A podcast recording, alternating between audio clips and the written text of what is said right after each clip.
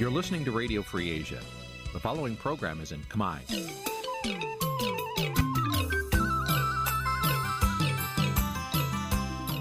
នេះជាកម្មវិធីផ្សាយ Vuthu Azizi Serai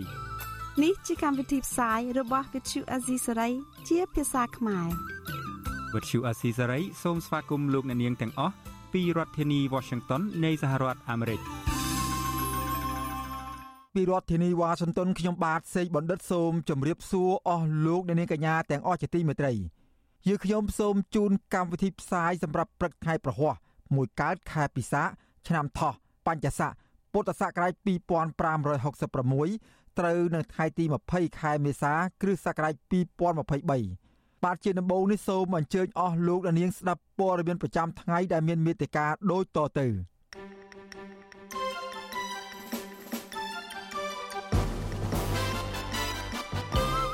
ង្គមស៊ីវិលរិះគន់តុលាការខេត្តព្រៃវែងករណីឃុំខ្លួនសមាជិកគណៈបកភ្លើងទៀន2នាក់ទៀតថាជារឿងនយោបាយសមត្ថកិច្ចព្រំដែនប្រើប្រាស់ច្រកទ្វារអន្តរជាតិដូងនៅខេត្តបាត់ដំបងដើម្បីប្រព្រឹត្តអំពើពុករលួយសហជីពសេរីកម្មករថារោងចក្របិទទ្វារធ្វើឲ្យកម្មករប្រឈមនឹងម្ចាស់បំណុលរឹបអូសទ្រព្យសម្បត្តិ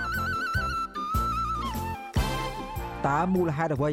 បានជាមន្ត្រីជាន់ខ្ពស់រដ្ឋាភិបាលមិនព្យាបាលជំងឺនៅក្នុងប្រទេសរួមនឹងព័ត៌មានសំខាន់សំខាន់មួយចំនួនទៀត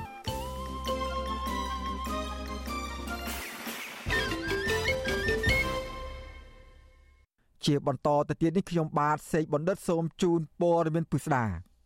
បាទលោកអ្នកនាងកញ្ញាជាទីមេត្រីថ្នាក់ដឹកនាំគណៈបកប្រជាជនកម្ពុជា តែងតែលើកឡើងពីការរីកចម្រើនគ្រប់វិស័យ ក្នុងនោះរួមមានទាំងវិស័យសុខាភិបាលផងដែរប៉ុន្តែទោះបីជាមានការកោតសរសើរពីការរីកចម្រើនផ្នែកសុខាភិបាលក៏ដោយក៏មន្ត្រីរដ្ឋាភិបាលនិងក្រុមគ្រួសាររបស់ពួកគេតែងតែស្វែងរកការព្យាបាលនៅក្រៅប្រទេសតើមូលហេតុអ្វីបានជាមន្ត្រីទាំងនោះមិនព្យាបាលជំងឺនៅក្នុងប្រទេស បាទពីរដ្ឋធានី Washington លោកលេងម៉ាលីមានសេចក្តីរាយការណ៍អំពីរឿងនេះថ្នាក់ដឹកនាំគណៈបកប្រជាជនកម្ពុជា បានលើកសរសើរជាបន្តបន្ទាប់អំពីវិស័យសុខាភិបាលថា មានការរីកចម្រើន ទាំងអាគារឧបករណ៍ប្រើប្រាស់រួមទាំងសមត្ថភាពជំនាញរបស់គ្រូពេទ្យនៅក្នុងរយៈពេលប្រមាណ30ថ្ងៃមន្ត្រីជាន់ខ្ពស់រដ្ឋាភិបាលពីររូបគឺលោកហ៊ុនសែននិងលោកសខេងថ្លែងនៅលើវេទិកាសាធារណៈជាបន្តបន្ទាប់អំពីការរីកចម្រើនវិស័យសុខាភិបាល នៅក្នុងខែមីនាលោកនាយករដ្ឋមន្ត្រីហ៊ុនសែនចំអកឲ្យប្រទេសជឿនលឿនដែលចង់សម្ដៅប្រទេសនៅអឺរ៉ុប និងសហរដ្ឋអាមេរិកថាមិនមានសមត្ថភាពទប់ស្កាត់ការឆ្លងរាលដាលមេរោគ COVID-19 ដោយកម្ពុជាលោកហ៊ុនសែនក៏បានបញ្ជាក់ដែរថាក្រោមការដឹកនាំរបស់លោកគឺយកចិត្តទុកដាក់ខ្ពស់លើប្រព័ន្ធសុខាភិបាលព្រោះថាប្រទេសមិនអាចអភិវឌ្ឍទៅបានទេ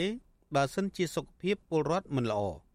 ភាពរឹងមាំនៃការអភិវឌ្ឍសេដ្ឋកិច្ចអាស្រ័យលើការអភិវឌ្ឍធនធានមនុស្សប្រកបដោយគុណវត្តហើយការអភិវឌ្ឍធនធានមនុស្សគឺអាស្រ័យសុខភាពល្អរបស់ប្រជាជន ដែលជំរុញដោយការផ្តល់សេវា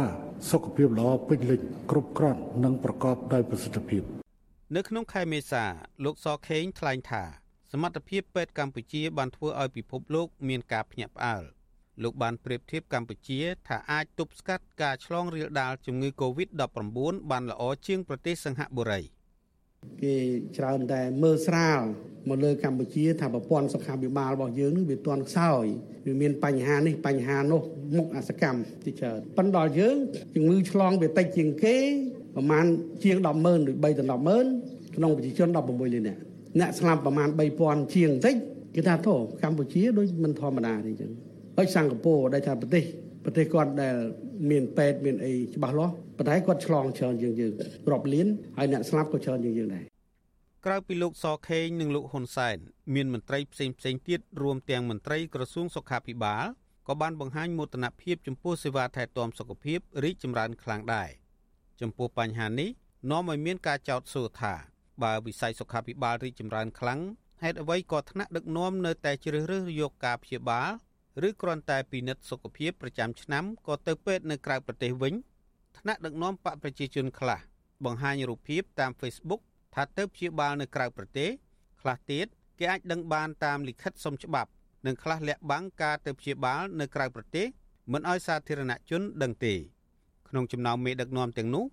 រួមមានលោកហ៊ុនសែនមានទៅពេទ្យនៅសង្ហបុរីសម្រាប់ព្យាបាលនិងថែទាំសុខភាពដែលលោកត្រូវទៅតាមការណាត់ ចំណែកលោកសខេងព្យាបាលជំងឺនៅប្រទេសបារាំងហើយលោកទាបាញ់ទៅព្យាបាលនៅប្រទេសចិនអ្នកផ្សព្វផ្សាយខ្លឹមសារកិច្ចព្រមព្រៀងសន្តិភាពទីក្រុងប៉ារីសផ្សារការអភិវឌ្ឍសង្គម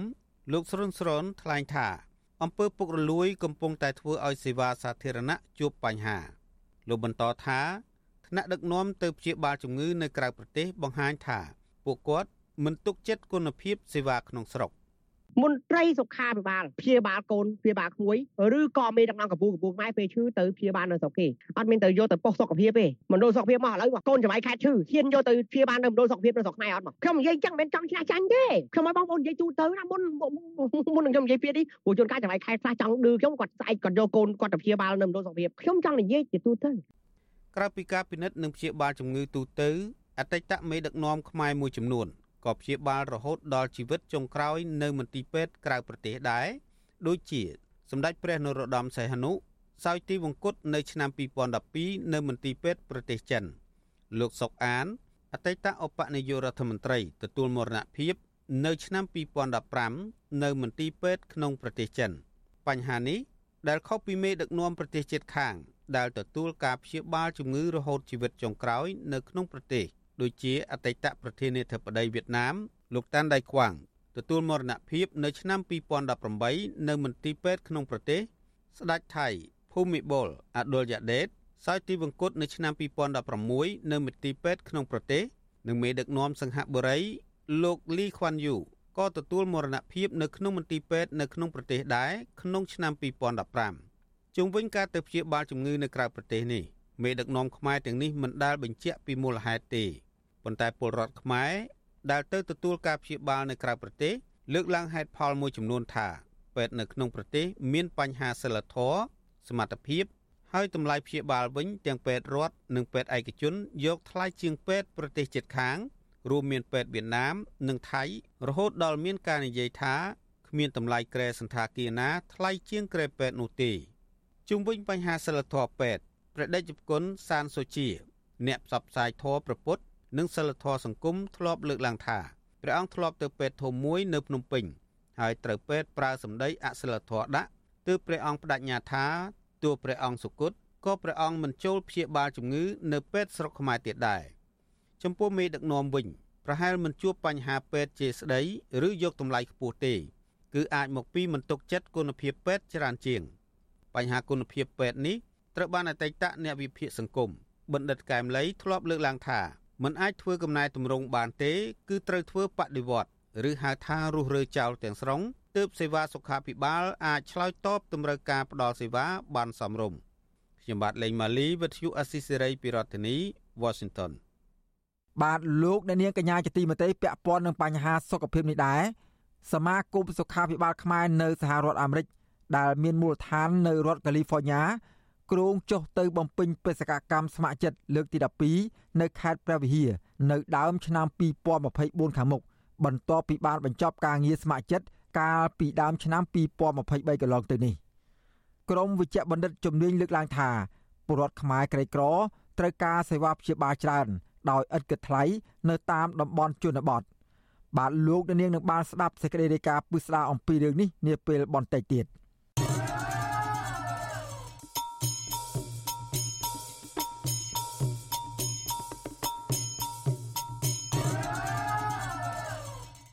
បាទលោកអ្នកនាងកញ្ញាជាទីមេត្រីឥឡូវនេះយើងក៏លេចទៅមើលតំបន់ព្រំដែននៅប៉ែកខាងភៀកពីយប់នៃប្រទេសកម្ពុជាវិញម្ដងប្រជាពលរដ្ឋឲ្យដឹងថាអំពើពុករលួយ នៅតាមច្រកព្រំដែនអន្តរជាតិដូងនៅក្នុងស្រុកកំរៀងខេត្តបាត់ដំបងបានកើតឡើងកាន់តែខ្លាំងបន្ទាប់ពីប៉ូលីសអន្តរប្រវេសន៍បានឆ្លៀតយកឱកាសបនចូលឆ្នាំថ្មី ទាលុយពីពលករនិងបានសហការគ្នាជាមួយនឹងមេខ្យល់ក្រុមហ៊ុនដឹកជញ្ជូន យកថ្លៃឈ្នួលគុណទាំងពីរសង្គមស៊ីវិលជំរុញឲ្យអាជ្ញាធរថ្នាក់លើចុះត្រួតពិនិត្យនិងស្រាវជ្រាវពីភាពមិនប្រក្រតីនៅតាមច្រកព្រំដែនដើម្បីបកស្រាយការចោទប្រកាន់របស់ប្រជាពលរដ្ឋបាទពីរដ្ឋធានីវ៉ាស៊ីនតោនអ្នកស្រីម៉ៅសុធីនីមានសេចក្តីរាយការណ៍អំពីរឿងនេះក្នុងអំឡុងពេលបញ្ចូលឆ្នាំថ្មីមន្ត្រីអន្តោប្រវេសន៍ដែលអង្គុយក្នុងម៉ាស៊ីនត្រជាក់ចាំបោះត្រារកលុយពីពលករខ្មែរដែលទៅលេងស្រុកកំណើត និងវិលត្រឡប់ទៅធ្វើការនៅប្រទេសថៃវិញតាមរយៈថ្លៃធ្វើឯកសារការបង្កើតសេវាកម្មដឹកជញ្ជូនអីវ៉ាន់និងការដឹកជញ្ជូនអ្នកដំណើរដែលមានតម្លៃថ្លៃ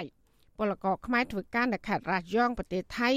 មកពីខេត្តបន្ទាយមានជ័យលោកខៀងសារ៉ាត់ប្រាប់បច្ចុប្បន្នស៊ីស្រីនៅថ្ងៃទី19ខែមេសាថាលោកបានចំណាយប្រាក់ 1200បាតឬស្មើ35ដុល្លារទៅភ្នាក់ងារប៉ូលីសអន្តរប្រវេសន៍នៅពេលដែលវាត្រាត្រឡប់ចូលទៅប្រទេសថៃវិញហើយលោកក៏មិនបានដឹងពីមូលហេតុដែលអាជ្ញាធរខ្មែរយកប្រាក់ពីពលករនោះដែរ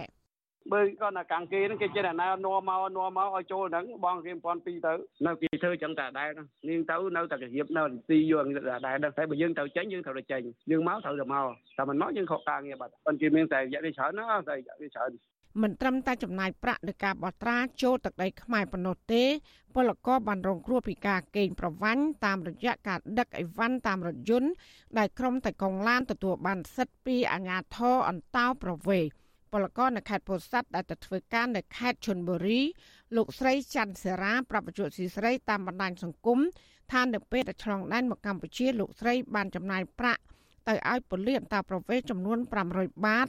ឬជាង50000រៀលនិងចំណាយថ្លៃដឹកអីវ៉ាន់តាមរថយន្តតាមការកំណត់របស់អាជ្ញាធរដែលប្រចាំការនៅទីនោះអស់ប្រាក់400បាតថែមទៀតឬប្រមាណជាជាង40000រៀលលោកស្រីថានៅពេលដែលឆ្លងដែនត្រឡប់មកធ្វើការនៅប្រទេសថៃវិញប៉ូលីសអន្តរប្រវេសន៍ក៏បានទារលុយពីលោកស្រីចំនួន1200បាតស្មើនឹង35ដុល្លារបន្ថែមទៀត។ ក្នុងនោះក៏មានក្រុមមនុស្សពាក់អាវពណ៌ខៀវដែលអះអាងថាជាអាជ្ញាធរបានបង្ខំលោកស្រីដឹកអីវ៉ាន់តាមរថយន្តដែលត្រូវចំណាយប្រាក់អស់300បាតថែមទៀតឬជាង30000រៀលមិនត្រឹមតែជាប់ឈ្មោះថាបានយកលុយពីពលករប៉ុណ្ណោះទេ ច្រកទ្វារអន្តរជាតិដងដែលស្ថិតនៅក្នុងស្រុកកំរៀងខេត្តបាត់ដំបងត្រូវបានក្រុមពលករលើកឡើងថាគឺជាច្រកទ្វារដែលមានអំពើពុករលួយច្រើនជាងគេ ដោយមានសហការគ្នារវាងប៉ូលីសអន្តោប្រវេសន៍ ជាមួយមេខ្យល់នាំពលករឆ្លងដែនខុសច្បាប់ពលករដែលឆ្លងដែនខុសច្បាប់បានក្លាយជាអតិថិជនពិសេស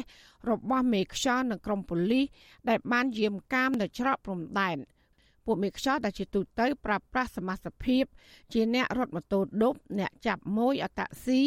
និងអ្នកអង្គុយចាំតាមតូបលក់អីវ៉ាន់ក្រុមមេខ្យល់និងមន្ត្រីច្រកព្រំដែនមានតំណាក់តំណងគ្នាតាមរយៈក្រុមបណ្ដាញសង្គម ដែលរៀបទៅតាមលំដាប់និងតំបន់ដែលពួកគេបានកំណត់ឈ្មោះរួចជាស្រេចសេវាកម្មនាំពលករឆ្លងដែនខុសច្បាប់ក្នុងម្នាក់ម្នាក់មានតម្លៃចាប់ពី10000បាតឬ300ដុល្លារទៅ20000បាតឬប្រមាណ600ដុល្លារទៅតាមឧបសគ្គនិងចម្ងាយផ្លូវដោយមេខ្យល់បានកំណត់ពេលវេលានិងទីតាំងហើយជាអ្នកបង្លួយឲ្យប៉ូលីសនិងទាហានដែលបើកផ្លូវឲ្យឆ្លងកាត់តាមដំណាក់កាល មុខរបរនាំពលករឆ្លងដែនខុសច្បាប់នេះកាក់កបខ្លាំង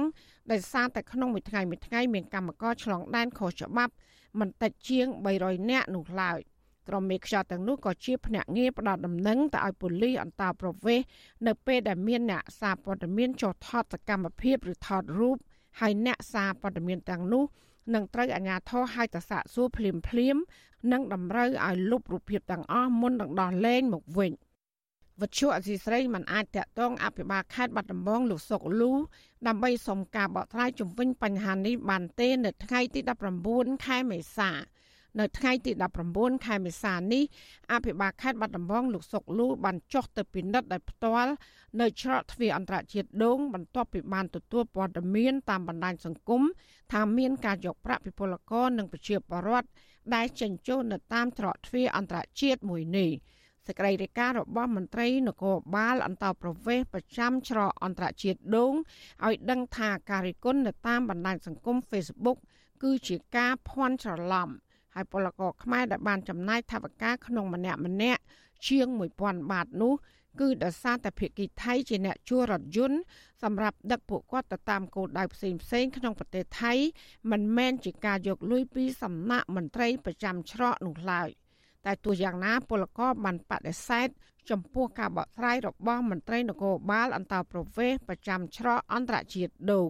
ពលករនៅតែអះអាងថាមន្ត្រីនគរបាលអន្តោប្រវេសន៍នេះបានយកលុយពីពលករហើយចំណែកអថ្លៃជួលរថយន្តសម្រាប់ដឹកពួកគាត់ទៅតាមគោលដៅផ្សេងផ្សេងក្នុងប្រទេសថៃនោះគឺពលករជាអ្នកចំណាយខ្លួនឯងជុំវិញរឿងនេះអ្នកសម្របសម្រួលផ្នែកខ្លំមើលការរំលោភសិទ្ធិមនុស្ស នៃអង្គការលីកាដូប្រចាំនៅខេត្តបាត់ដំបងលោកអិនគង្គជាតិជំរុញអាជ្ញាធរថ្នាក់លើចុះត្រួតពិនិត្យនិងស្រាវជ្រាវពីភាពមិនប្រក្រតីនៅច្រកព្រំដែនដើម្បីបកស្រាយការចាប់ប្រកាន់របស់ពលរដ្ឋលោកយល់ឃើញថាបញ្ហាប្រឈមរបស់ពលករបណ្ដាលមកពីតម្លៃឯកសារទិដ្ឋាការនិងលិខិតឆ្លងដែនមានតម្លៃខ្ពស់ដែលធ្វើឲ្យពលរដ្ឋប្រើប្រាស់វិធីឆ្លងដែនខុសច្បាប់ បាទបើយកច្រើនទៅទឹកថប់ហ្នឹងវាជាការដាក់បន្ទុកដល់គាត់ឲ្យមានការចំណាយច្រើនហើយបច្ចុប្បន្ននេះពួកគាត់នៅថៃក៏រយមិនទៅបានដែរអញ្ចឹងគាត់មកលេងសាច់ញាតិបងប្អូនហ្នឹងត្រឡប់ទៅវិញក៏អស់លុយពីកប៉ៅដែរអញ្ចឹងគួរតែអាជ្ញាធរសមត្ថកិច្ចនៅមាត់ច្រកព្រំដែនទ្វារគួរតែបកលក្ខណៈងាយស្រួលឲ្យគាត់បានឆ្លងដែនទៅដោយសុវត្ថិភាពដោយស្របច្បាប់ ពលករសម្រុកឆ្លងដែនទៅប្រទេសថៃ បន្ទាប់ពីបញ្ចប់ពិធីបុណ្យចូលឆ្នាំថ្មីដោយសារពួកគេត្រូវចូលធ្វើការវិញនៅថ្ងៃទី20ខែមេសាច្បាប់គ្រប់គ្រងពលករអន្តោប្រវេសន៍របស់ប្រទេសថៃចែងថាការជួសពលករដែលឆ្លងដែនខុសច្បាប់ឬក៏មិនមានឯកសារត្រឹមត្រូវគឺត្រូវពិន័យជាប្រាក់ចំនួន10000បាតឬស្មើនឹង300ដុល្លារទៅ100,000បាតឬស្មើនឹង3000ដុល្លារសម្រាប់ពលករម្នាក់ ចំពោះអ្នកដែលនាំពលករឆ្លងដែនខុសច្បាប់ មកធ្វើការក្នុងប្រទេសថៃ គឺត្រូវពិន័យប្រាក់ពី60ម៉ឺនបាតឬជាង17000ដុល្លារទៅ1លានបាតឬជិត30000ដុល្លារព្រមទាំងជាប់ពន្ធនាគារពី3ឆ្នាំទៅ10ឆ្នាំ សម្រាប់ពលករដែលជួលម្នាក់ទោះជាមានច្បាប់តឹងរឹងបែបនេះក្តីក៏ការនាំពលករឆ្លងដែនទៅធ្វើការនៅប្រទេសថៃដោយខុសច្បាប់ នៅតែបន្តកើតមាននិងកើនឡើង។ ជាពិសេសគឺក្នុងអំឡុងការរាលដាលនៃជំងឺ Covid-19 ដោយសារតែពលកម្មរបស់ពលករខុសច្បាប់មានតម្លៃថោកនិងងាយស្រួលកេងប្រវ័ញ្ចកម្លាំងពលកម្មចាននាងខ្ញុំម៉ៅសុធានីវិទ្យុអាស៊ីសេរីប្រធានាធិបតី Washington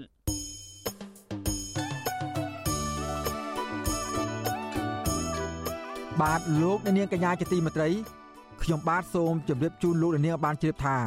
វិទ្យុអស៊ីសេរី ចាប់ផ្ដើមការផ្សាយផ្ទាល់កម្មវិធីព័ត៌មានទាំងពេលព្រឹក និងពេលយប់ជាផ្លូវការនៅលើបណ្ដាញសង្គមថ្មីមួយទៀតគឺបណ្ដាញសង្គម Telegram ចាប់ពីខែមេសានេះតទៅលោកដានៀងអាចស្វែងរក Telegram ផ្លូវការរបស់វិទ្យុអសីសេរី ដោយស្វែងរកពាក្យថាវិទ្យុអសីសេរី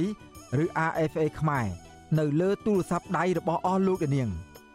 Telegram ផ្លូវការរបស់វិទ្យុអសីសេរី មានសញ្ញាធីកជាសម្គាល់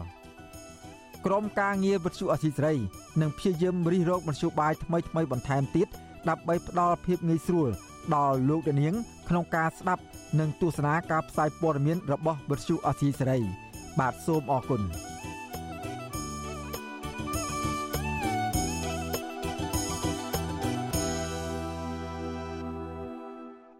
បាទលោកអ្នកនាងកញ្ញាជាទីមេត្រីពាក់ព័ន្ធនឹងសំណុំរឿងរបស់សកម្មជនគណៈបកប្រឆាំងវិញ មន្ត្រីគណៈបកភ្លើងទៀនប្រចាំខេត្តព្រៃវែងនិងមេធាវីខកចិត្តចំពោះតុលាការ ដែលសម្រេចចោទប្រកាន់និងឃុំខ្លួនសមាជិកគណៈបកប្រឆាំងចំនួន2នាក់ទៀតនៅពន្ធនាគារតាមពាក្យបណ្ដឹងរបស់គណៈបកកណ្ដាលអំណាចការសម្រេចរបស់តុលាការនេះកំពុងធ្វើឲ្យស្ត្រីចាស់ជរាម្នាក់ត្រូវជាម្ដាយរបស់សមាជិកគណៈបកភ្លើងទៀនប្រឈមនឹងការរស់នៅតែម្នាក់ឯងគ្មានទីពឹង។ បាទសូមស្ដាប់សេចក្តីរាយការណ៍របស់អ្នកស្រីសូជីវីពីរដ្ឋធានីវ៉ាស៊ីនតោនហេរញ្ញគណៈកម្មាធិការប្រតិបត្តិគណៈបកភ្លើងទៀនខេត្តព្រៃវែងអ្នកស្រីសេងវិសាលនិងជំទប់ទី2ឃុំប្រាសាទគណៈបកភ្លើងទៀនក្នុងស្រុកកំពង់ត្របែកលោកប៊ិនចងត្រូវបានអាជ្ញាធរបញ្ជូនទៅឃុំខ្លួនបណ្ដោះអាសន្ននៅពន្ធនាគារខេត្តព្រៃវែងទៅតាមការសម្រេចរបស់ចៅក្រមស៊ើបសួរនៃសាលាដំបងខេត្តព្រៃវែងលោកហែមក្រឹស្នាដែលបានចោទប្រកាន់ពួកគេទាំងពីរនាក់ ពីបទក្លែងនិងប្រើប្រាស់ឯកសារសាធារណៈក្លែងពាក់ព័ន្ធនឹងការរៀបចំបញ្ជីបេក្ខជនឈរឈ្មោះបោះឆ្នោតក្រុមប្រឹក្សាឃុំសង្កាត់កាលពីឆ្នាំ2022មេធាវីការពារក្តីសមាជិកគណៈបកភ្លើងទៀនទាំងពីរនាក់នេះគឺមេធាវីសំសុគងប្រាវិទ្យុអាស៊ីសេរីថា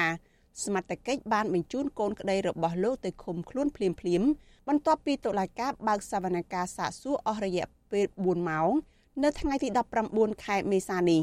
មេធាវីរូបនេះខកចិត្តចំពោះការសម្រេចរបស់ចៅក្រមស៊ើបសួរដោយលោកលើកឡើងថាក្នុងសំណុំរឿងបទមជ្ឈិមដែលជនត្រូវចោទមានលក្ខខណ្ឌគ្រប់គ្រាន់គឺមានលំនៅឋាននិងទួលនីតិច្បាស់លាស់តុលាការគួរដាក់ឲ្យពួកគេនៅក្រៅឃុំលោកបន្តថានៅក្នុងសវនកម្មសកម្មជនគណបកប្រឆាំងទាំងពីរនាក់ក៏បានច្រានចោលការចោទប្រកាន់និងស្នើឲ្យចៅក្រមស៊ើបសួរលើកលែងការចោទប្រកាន់នេះដែរ បើយើងនិយាយពីលក្ខខណ្ឌគឺយោងទៅតាមក្រមវិទ្យាពីសំទន់គឺគាត់គាត់មានលក្ខខណ្ឌគ្រប់គ្រាន់ហើយជាពិសេសគឺលោកបញ្ជោងគាត់គឺជាជំទប់ទី2នៃឃុំប្រាសាទគាត់កំពុងលបាយតែគាត់ជាទូមានទូនាទីជាមន្ត្រីជាប់ដោយអាណត្តិដោយសភាពរបស់ស្មារតីពួកគាត់នឹងដែលជាការសញ្ញាមួយដែលថាការឲ្យតែឃុំគឺมันមានការបារម្ភចំពោះនីតិវិធីរបស់តុលាការ ក្នុងពេលតុលាការសាកសួរសមាជិកគណៈបកភ្លើងទៀនទាំងពីរនាក់នេះមន្ត្រីគណៈបកប្រឆាំងប្រចាំខេត្តនិងមកពីតាមបណ្ដាស្រុកទាំង13នៃខេត្តព្រៃវែងចំនួនជិត50នាក់បានមកចូលរួមលើកទឹកចិត្តនៅខាងមុខតុលាការមន្ត្រីជាន់ខ្ពស់គណៈបកភ្លើងទៀនប្រចាំខេត្តព្រៃវែងលើកឡើងថាអ្នកស្រីសេងវិសាលអាយុ49ឆ្នាំ ជាស្ត្រីមេម៉ាយរស់នៅតែពីអ្នកម្ដាយចាស់ជរាអាយុ85ឆ្នាំខណៈលោកស្រីមានកូនម្នាក់បានរៀបការទៅរស់នៅជាមួយប្តីនៅខេត្តសៀមរាប ដែលខុសពីលោកប៊ិនជោងអាយុ62ឆ្នាំមានកូននិងប្រពន្ធនៅខ្មែរប្រធានប្រតិបត្តិគណៈបកភ្លើងទៀនខេត្តព្រៃវែងលោកដឹមយុនបារម្ភពីម្ដាយអ្នកស្រីសេងវិសាលដែលត្រូវរស់នៅតែម្នាក់ឯងគ្មានកូនមើលថែដិតដល់ខណៈបងប្អូនរបស់អ្នកស្រីសេងវិសាលសុទ្ធតែមានផ្ទះរស់នៅឆ្ងាយឆ្ងាយពីគ្នាលោកបញ្ជាក់ថាសមាជិកទាំងពីរនាក់មិនបានក្លែងបន្លំឯកសារដោយអ្វីដែលមេធាវីគណៈបកកណ្ដាលអំណាចបានប្តឹងនោះទេ លោកបន្តថាទោះមានការព្យាយាមបំបាក់ស្មារតីយ៉ាងណាក្តីក៏ក្រុមសមាជិកទាំងអស់របស់គណៈបកលោកប្រចាំនៅក្នុងខេត្តព្រៃវែងនៅតែបដិញ្ញាចិត្តបន្តធ្វើសកម្មភាពនយោបាយជាមួយគ្នាតទៅមុខទៀត។ ខ្ញុំខកចិត្តដោយសារការងារចាប់ខ្លួននេះដោយថាវាអត់សមហេតុផលក្នុងនាមជាគណៈបកនយោបាយនៅពេលបោះឆ្នោតអញ្ចឹងវាចង់តែឲ្យមានគណៈបកនយោបាយមានការប្រកួតស្មើភាពគ្នាមិនចាប់សកម្មជនដោយគ្មានការមូលហេតុអត់មានបញ្ហាដូចជារឿងឆក់ឆ្លន់ឬអីទេអានេះខ្ញុំទេប៉ុន្តែរឿងរឿងនយោបាយដែលបំផាក់ស្មារតីក្នុងខេត្តព្រៃវែងហ្នឹងជុំវិញបញ្ហានេះមន្ត្រីនាំពាក្យតុលាការខេត្តព្រៃវែងអ្នកស្រីអាតសុខុនសុំមិនបកស្រាយឡើយមុនពេលអ្នកស្រីមិនទាន់អាចសុំគោលការណ៍អនុញ្ញាតពីប្រធានតុលាការ ទោះយ៉ាងណានៅមុនពេលចូលទៅបំភ្លឺនៅតុលាការអ្នកស្រីសេងវិសាលបានលើកឡើងថាមីងរបស់ប្អូនថ្លៃរបស់អ្នកស្រីដែលមានឈ្មោះថាប៉ង់ហ៊ុនមិនបានប្តឹងអ្នកស្រីថាបានលួចយកឈ្មោះដាក់ទៅក្នុងបញ្ជីបេក្ខជនក្រុមប្រឹក្សាឃុំសង្កាត់ឡើយប៉ុន្តែមេធាវីគណៈបកប្រជាជនកម្ពុជាឈ្មោះទូចធីរិតដែលអះអាងថាជាតំណាងឲ្យលោកស្រីប៉ង់ហ៊ុនប្តឹងអ្នកស្រីនិងលោកប៊ិនចុងទៅវិញក្នុងរយៈពេលប្រហែលមួយសប្តាហ៍នេះសមាជិកគណៈបកភ្លើងទៀននៅខេត្តព្រៃវែងចំនួន4នាក់ហើយ ដែលត្រូវតុលាការសម្រេចឃុំខ្លួនបណ្ដោះអាសន្នពាក់ព័ន្ធនឹងការរៀបចំបញ្ជីបេក្ខជនឈរឈ្មោះបោះឆ្នោតក្រុមប្រឹក្សាឃុំសង្កាត់មន្ត្រីសិទ្ធិមនុស្សយល់ឃើញថាការចោទប្រកាន់សមាជិកគណៈបកប្រឆាំងជាបន្តបន្ទាប់នេះជារឿងនយោបាយច្រើនជាងការអនុវត្តច្បាប់ព្រោះការរៀបចំឯកសារដាក់ទៅគណៈកម្មាធិការជាតិរៀបចំការបោះឆ្នោតហៅកាត់ថាកោជបដើម្បីចូលរួមប្រកួតប្រជែងតាមបែបលទ្ធិប្រជាធិបតេយ្យហើយក៏មិនបានបង្កឲ្យមានហានិភ័យ និងគ្រោះថ្នាក់ទៅដល់ដំណើរការបោះឆ្នោតឃុំសង្កាត់នៅក្នុងឆ្នាំ2022កន្លងទៅនោះដែរនាយកទទួលបន្ទុកកិច្ចការទូតនៃអង្គការលីកាដូលោកអំសំអាត លើកឡើងថាពាក់ព័ន្ធនឹងកំហុសបច្ចេកទេសតិចតួចជំវិញការរៀបចំឯកសារបញ្ជីឈ្មោះបេក្ខជន ដាក់ទៅកោជបគួរតែមានការពិភាក្សាដោះស្រាយគ្នាតាំងពីមុនការបោះឆ្នោតក្រុមប្រឹក្សាឃុំសង្កាត់ហើយមិនគួរទុករឿងនេះអូសបន្លាយមកដល់ពេលបច្ចុប្បន្នទើបយកមកប្តឹងផ្ដាល់គ្នា នៅពេលគៀកការបោះឆ្នោតជាតិនៅក្នុងខែកក្កដាខាងមុខនេះទេការឃុំខ្លួនទៅលើមន្ត្រីរបស់គណៈបកប្រឆាំងតែក្រុមប្រឹក្សាឃុំសង្កាត់របស់គណៈបកភ្លើងទៀនដែលជាគណៈបកប្រឆាំងហ្នឹងនាំឲ្យគេមើលឃើញហើយគេអាចរិះគន់ថាវាជាការធ្វើទុកបុកម្នេញជាការគំរាមកំហែងទៅដល់សកម្មជននៃគណៈបកភ្លើងទៀនដែលត្រូវចូលរួមក្នុងប្រជុំប្រជែងក្នុងការបោះឆ្នោតជាតិទៅខាងមុខនោះមេធាវីការពារឲ្យសមាជិកគណៈ បកភ្លើងទៀនទាំងពីររូបលើកឡើងថាបទក្លែងនឹងប្រើប្រាស់ឯកសារសាធារណៈក្លែងអាចប្រឈមជាប់ពន្ធនាគារពី1ឆ្នាំទៅ3ឆ្នាំប្រសិនបើតុលាការរកឃើញថាមានបទល្មើសនៅរសៀលថ្ងៃទី19ខែមេសានេះមន្ត្រីពន្ធនាគារខេត្តព្រៃវែងក៏បានបដិសេធមិនអោយមេធាវីនិងមន្ត្រីគណៈបកភ្លើងទៀនចូលទៅជួបអ្នកស្រីសេងវិសាលនិងលោកប៊ិនជងខណៈពួកគេបានព្យាយាមយកសម្លៀកបំពាក់និងលុយកាក់មួយចំនួនទៅឲ្យអ្នកទាំងពីរ ដោយសារតែពួកគេមិនមានអ្វីជាប់ខ្លួន នៅពេលបញ្ជូនទៅឃុំខ្លួនមន្ត្រីពន្ធនាគារបានជំរុញឲ្យមេធាវីនិងមន្ត្រីបាក់ភ្លើងទៀនទៅសុំការអនុញ្ញាតពីចៅក្រមស៊ើបសួរជាមុនសិននាងខ្ញុំសុជីវីវិទ្យុអាស៊ីសេរីពីរដ្ឋធានី Washington បាទលោកអ្នកនាងកញ្ញាជាទីមេត្រីលោកអ្នកនាងកំពុងតាមដានស្ដាប់ការផ្សាយរបស់វិទ្យុអាស៊ីសេរីពីរដ្ឋធានីវ៉ាស៊ីនតោនសហរដ្ឋអាមេរិកសហព័ន្ធសហជីពសេរីកម្មករអះអាងថា រោងចក្របិទទ្វារអាចធ្វើឲ្យកម្មករមួយចំនួនខ្វះថវិកាបង់ឲ្យម្ចាស់បំណុលដែលប្រឈមមុខនឹងការអស់ទ្រព្យសម្បត្តិដោយសារម្ចាស់បំណុលរឹបអូសនៅពេលដែលគ្មានលុយបង់ឲ្យគេចំណែកកម្មករគ្មានការងារធ្វើ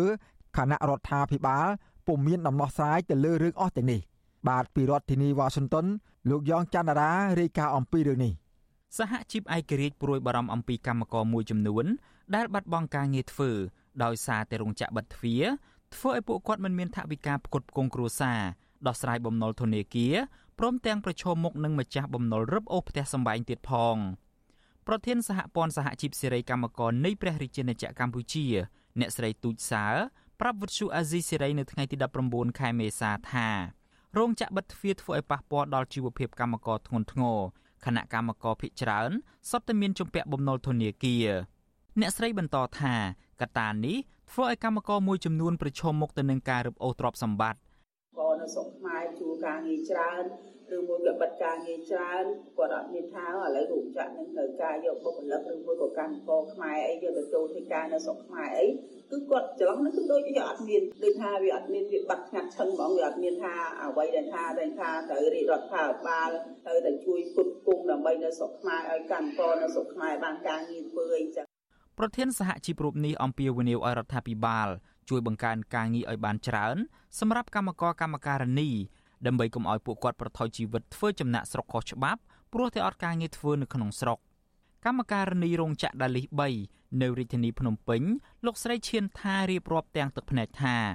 លោកស្រីជំពាក់បំណុលគេជិត1000ដុល្លារដូច្នេះលោកស្រីក៏សម្រេចចិត្តមកចូលធ្វើការងារនៅរោងចក្រដើម្បីរកប្រាក់ដោះបំណុលក៏ប៉ុន្តែពេលនេះរោងចក្របិទទ្វារ ធ្វើឲ្យលោកស្រីបាត់បង់ចំណូលប្រចាំខែលោកស្រីបន្ថែមថាលោកស្រីគ្មានទីពឹងទៀតនោះទេពីព្រោះប្តីរបស់លោកស្រីបានស្លាប់ជាង2ឆ្នាំមកហើយដូច្នេះលោកស្រីក៏ត្រូវបង្ខំចិត្តស៊ីឈ្នួលដើរលាងចាន និងចិត្តបន្លាយឲ្យគេ បានប្រាក់10000រៀលទៅ30000រៀលនៅក្នុងមួយថ្ងៃបន្ទាប់ពីរោងចក្រព្យួរការងារទៅស៊ីឈ្នួលលេងចាំចិត្តបន្លាយគេបានថ្ងៃមុនទៅខាងបានបន្តជីវិតចឹងទៅ ខ្ញុំទៅរកចៃណាគេជាតិគេអត់ឲ្យទេយើងមានអីសង្ឃឹមបើគេអត់ហៅហើយខ្ញុំនៅចាំមើលមួយថ្ងៃហើយមួយថ្ងៃទៀតថ្ងៃហើយមួយថ្ងៃទៀតណាលុយថ្លៃផ្ទះអត់មានអីបង់ឲ្យគេផងវិទ្យុអាស៊ីសេរីមិនអាចតាក់ទងแนะនាំពាក្យក្រសួងការងារនិងបណ្ដុះបណ្ដាលវិជ្ជាជីវៈលោកហេងសួរដើម្បីសូមអត្ថាធិប្បាយអំពីរឿងនេះបានទេ នៅថ្ងៃទី19ខែមេសាតាក់ទងទៅនឹងរឿងនេះលោកនាយរដ្ឋមន្ត្រីហ៊ុនសែនកាលពីដើមខែមីនា បានប្រកាសឧបត្ថម្ភសាច់ប្រាក់ដល់កម្មករកម្មការិនីរោងចក្រជាង32000នាក់បន្ទាប់ពីរោងចក្រមួយចំនួននៅក្នុងរាជធានីភ្នំពេញបានកាត់បន្ថយម៉ោងការងារនិងព្យួរកិច្ចសន្យាជុំវិញរឿងនេះនាយកប្រតិបត្តិមជ្ឈមណ្ឌលសម្ព័ន្ធភាពការងារនិងសិទ្ធិមនុស្សហៅកាត់ថាសង្ត្រាល់លោកមឿនដុល្លារយល់ឃើញថាគោលនយោបាយរបស់រដ្ឋាភិបាលជួយ70ដុល្លារទៅកម្មករដែលរងការព្យួរការងារនោះគឺជារឿងល្អក៏ប៉ុន្តែលោកថាដើម្បីឲ្យមានប្រសិទ្ធភាពជាងនេះទៅទៀតនោះ រដ្ឋាភិបាលគួរតែមានគោលនយោបាយអនុគ្រោះដល់កម្មករដែលត្រូវសងបំណុលទៅធនាគារនៅពេលកម្មករកំពុងបាត់បង់ការងារធ្វើពីព្រោះពួកគាត់មិនមានប្រាក់ចំណូលប្រចាំខែរដ្ឋក៏ត្រូវតែពិចារណាដែរពាក់ព័ន្ធពីលទ្ធភាពក្នុងការបង្កើតមុខរបរហើយនឹងការងារឲ្យពលរដ្ឋវិញបើមិនចឹងទេពលរដ្ឋយើងកាន់តែច្រើនបាត់បង់ចំណូលកាន់តែច្រើនអានឹងយើងមានហានិភ័យកាន់តែខ្ពស់ហើយបាទចាប់តាំងពីដើមឆ្នាំ2022មក វិស័យកាត់ដេររបស់កម្ពុជា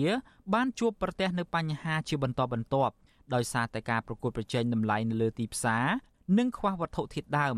ដែលបណ្ដាលមកពីការរីករាលដាលជំងឺ Covid-19 វិបត្តិសង្គ្រាមឈ្លានពានរបស់រុស្ស៊ីលើប្រទេសអ៊ុយក្រែនព្រមទាំងការដកប្រព័ន្ធអនុគ្រោះពន្ធ EBA ចំនួន20%របស់សហភាពអឺរ៉ុបនិងការមិនបន្តប្រព័ន្ធអនុគ្រោះពន្ធទូទៅហៅកាត់ថា GSP របស់សហរដ្ឋអាមេរិកដល់កម្ពុជា ខ្ញុំយ៉ងច័ន្ទដារាវិទ្យុអាស៊ីសេរី Washington បាទលោកអ្នកនាងកញ្ញាជាទីមេត្រីមន្ត្រីសង្គមស៊ីវិលនិងគ្រួសារជនរងគ្រោះទាមទារឲ្យអាជ្ញាធរអនុវត្តច្បាប់ លើអធិការរងស្រុកបាភ្នំវ័យក្មេងម្នាក់គឺលោកស្រៀងប៊ុនណាលក្នុងករណីប្រើកំភ្លើងខ្លីបាញ់ប្រជាពលរដ្ឋម្នាក់បណ្ដាលឲ្យរងរបួសធ្ងន់ពេលចុះបង្ក្រាបកន្លែងប្រជុលមន់កាលពីថ្ងៃបុណ្យចូលឆ្នាំខ្មែរកន្លងទៅពួកគាត់ចាត់ទុកទង្វើរបស់លោកស្រៀងប៊ុនណាល ថាជាទង្វើផ្ទុយពីវិជាជីវៈនគរបាល និងរំលោភលើសិទ្ធិពលរដ្ឋ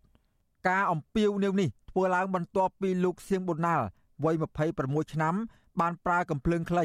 បាញ់បរិសម្នាក់បណ្ដាលឲ្យរងរបួសធ្ងន់នៅពេលចុះបង្ក្រាបកន្លែងជួលមន់មួយកន្លែងស្ថិតនៅភូមិគ្រោះឃុំឈើកាច់ស្រុកបាភ្នំខេត្តព្រៃវែងកាលពីថ្ងៃទី15ខែមេសាប្អូនប្រុសបង្កើតជនរងគ្រោះលោកសានដុល្លារប្រាប់បទសុអសីស្រីថា មកទល់នឹងពេលនេះបងប្រុសរបស់លោកកំពុងសម្រាកព្យាបាលនៅប្រទេសវៀតណាមក្រោយពីគ្រូពេទ្យនៅរាជធានីភ្នំពេញមិនអាចព្យាបាលបាន ដោយសារគ្រាប់កំភ្លើងបៀមជាប់នៅក្នុងខ្លួនជ្រៅលោករៀបរាប់ថាពលរដ្ឋមួយក្រុមបានលេងល្បែងជលមន់កំសាន្តក្នុងភូមិក្នុងថ្ងៃបុណ្យចូលឆ្នាំខ្មែរ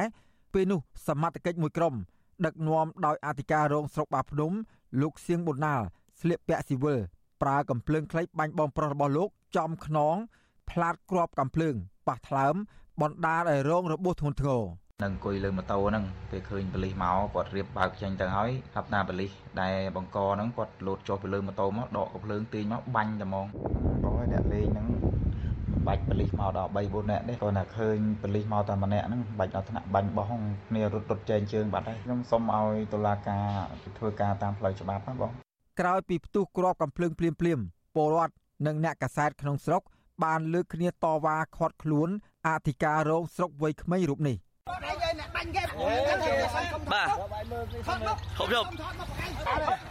យកនេះទៅប៉ែសិនបាទមើលគ្នាទៅហើយនេះហើយបាទទេទេអធិការលោកសានដុល្លារបន្ថែមថាជនរងគ្រោះឈ្មោះសានវិជ្ជការមុខរបរជាកសិករវ័យ36ឆ្នាំរស់នៅខេត្តព្រៃវែងត្រូវគ្រាប់ត្រង់ចង្កេះបែកឆ្អឹងធ្លាយខួរឆ្អឹង ហើយផ្លាតក្បាលគ្រាប់បៀមជាប់ថ្លើមជ្រៅលោកថាប្រពន្ធរបស់ជនរងគ្រោះទើបតែសម្រាលកូនបានមួយខែ កំពុងជួបការលំបាកប្រសិនបើបងប្រុសរបស់លោកស្លាប់ឬក៏ពិការអស់មួយជីវិតឆ្លើយតបនឹងរឿងនេះអធិការរងស្រុកបាភ្នំ លោកសៀងប៊ុនណាលបដិសេធបំភ្លឺអំពីរឿងនេះដោយលោកបញ្ជាក់យ៉ាងខ្លីថាសមត្ថកិច្ចជំនាញកំពុងស៊ើបអង្កេត កាលពីថ្ងៃទី17មេសា ស្នងការរងនគរបាលខេត្តព្រៃវែងលោកប្រាក់ច័ន្ទថេត បានសរសេរលិខិតមួយសន្លឹកផ្ញើជូនអគ្គស្នងការនគរបាលជាតិលោកណេតសាវឿនដោយលើកហេតុផលថាករណីនេះជាការរាលកាយកំភ្លើងលោកបញ្ជាក់ថាអធិការរងសៀងបូណាល់បានចាប់ខ្លួនជនរងគ្រោះដែលកំពុងឡើងជិះម៉ូតូរត់គេចខ្លួនក៏កើតមានការប្រវេបតបគ្នាធ្វើឲ្យភៀកគីខាងប៉ូលីសដួលបណ្ដាលឲ្យរាលកាយកំភ្លើងផ្ទុះមួយគ្រាប់ត្រូវចំចង្កេះជនរងគ្រោះ ក៏ប៉ុន្តែគ្រួសារជនរងគ្រោះចាត់ទុករបាយការណ៍នេះថាជាការភូតភរថ្នាក់ដឹកនាំផ្ទុយពីការពិតជុំវិញរឿងនេះមន្ត្រីនាំពាក្យសមាគមការពារសិទ្ធិមនុស្សអាត6លោកសឹងសានករណាពន្យល់ថាសមត្ថកិច្ចអាចប្រើកំភ្លើងបានលុះត្រាតែភៀកគីម្ខាងទៀតមានអាវុធបាញ់តដៃទើបអាចប្រើសិទ្ធិធម៌មានរូបឬការពៀខ្លួនដោយស្របច្បាប់ក៏ប៉ុន្តែលោកថាប្រសិនបើភៀកគីម្ខាងទៀតគ្មានអាវុធតដៃទេ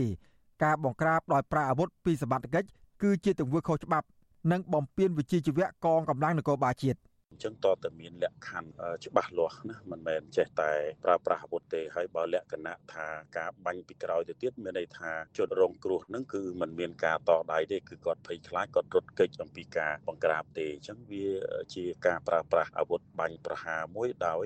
มันមានភាពត្រឹមត្រូវតាមវិជាជីវៈរបស់កងកម្លាំងសមត្ថកិច្ចស្នងការរោគខេត្តព្រៃវែង លោកច័ន្ទថេតបន្ថែមថាបច្ចុប្បន្នលោកអធិការរងសៀងបូណាល់កំពុងត្រូវដាក់ឲ្យស្ថិតនៅក្រោមការត្រួតពិនិត្យរបស់ស្នងការនគរបាលខេត្តព្រៃវែងហើយមន្ត្រីជំនាញបន្តចុះស្រាវជ្រាវនិងប្រមូលព័ត៌មានលម្អិតមកទល់នៅពេលនេះសំណុំរឿងនោះនៅមិនទាន់បានបញ្ជូនទៅដល់ស្ថាប័នអាយកាអមសាលាដំបងខេត្តព្រៃវែងឡើយទេហើយជនសង្ស័យកំពុងស្ថិតនៅក្រោមការស៊ើបអង្កេតតាមនីតិវិធីរបស់សមាជិកនគរបាលជំនាញ ពលគឺកំពុងស្ថិតនៅក្រៅពន្ធនាគារ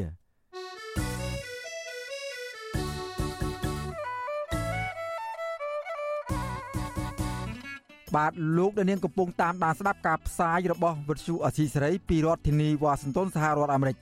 កម្មវិធីផ្សាយរបស់វិទ្យុអសីសេរីផ្សាយដំណើរគ្នាតាមរយៈរលកធារកាសខ្លីឬ shortwave តាមកម្រិតនិងកម្ពស់ឬតទៅនេះ